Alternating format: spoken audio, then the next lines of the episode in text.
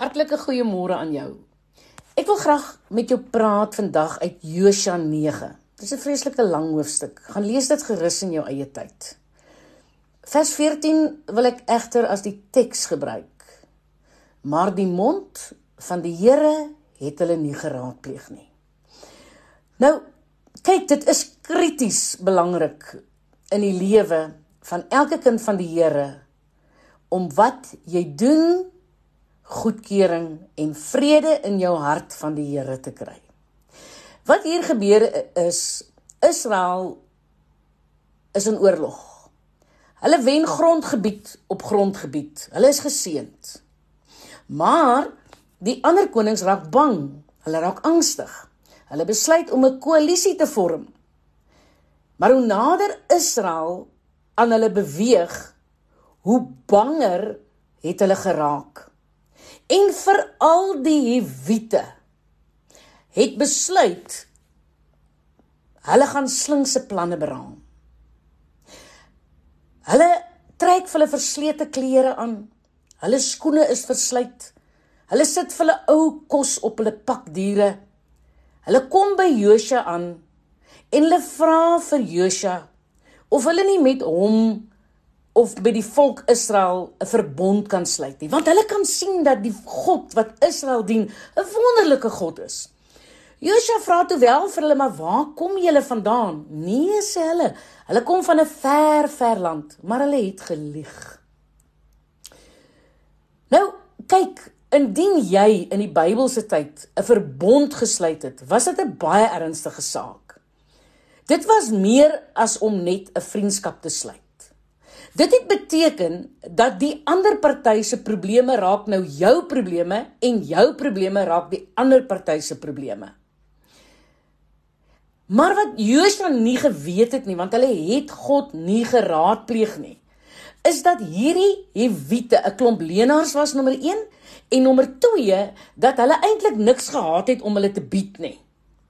Hulle hulle was net goed om waterdraers en houtkappers te wees. En hulle neem hulle toe in. En 3 dae later toe hoor die ander konings daarvan en dit het die ander konings so kwaad gemaak dat hulle besluit het hulle gaan nou optrek teen Israel. Sien nou raak die Wite se geveg, raak nou Israel se geveg. Die vyande was in daardie stadium onseker of hulle Israel sou aanval, maar toe hulle nou hoor dat die Wite oorgestap het, toe maak dit hulle kwaad. Nou so is Josua en die volk van Israel skielik ingetrek in 'n oorlog wat eintlik glad nie hulle oorlog was nie. Dis dit nie verskriklik nie. Nou moet hulle skielik gevegte veg wat nie hulle gevegte is nie. Die hartseer is dat daar baie families in Israel is wat kon omkom as gevolg van die toedoen van ander mense. Joshua besef in die proses maar dit was 'n fout.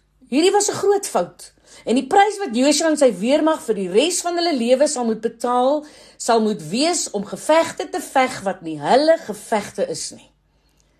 Want hulle het uitgevind die Hewite het oral vyande. Nou wil ek vanoggend vir jou vra. Hoe neem jy besluite? Wanneer jy in jou lewe op 'n plek kom waar jy belangrike besluite moet neem, kan jy nie bekostig om slegs jou intellek te gebruik nie. Jy moet deur die Heilige Gees gelei word. Jy moet God se raad vra.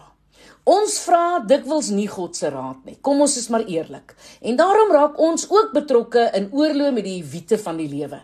Ons neem besluite en ons verwag van God om ons backup te wees. Die Israeliete het gewen en gewen tot hulle 'n geweldige fout gemaak het deur God nie te raadpleeg nie. Hulle was nie paraat nie en hulle was nie bedagsaam nie. Die ontnigtering is: Hallo, Ek is nou jou verantwoordelikheid, Josua. Ek is joune Israel. Jy sit nou met my. Ons is veronderstel om te bid sodat ons die regte besluite kan neem. Ek wil niks sê as dit nie die Here se goedkeuring wegdra nie. En onthou, 'n goeie idee is nie noodwendig 'n goddelike idee nie. Daardie lewensmaat, bid daaroor. Die skool waarin jou kind moet gaan, bid daaroor. Daardie werksaanbod, bid daaroor. Daardie vennootskap kry God se goedkeuring. As sy seën daarop rus, hou hy dit in stand. Ek is Lenet Beer vir Radio Kansel.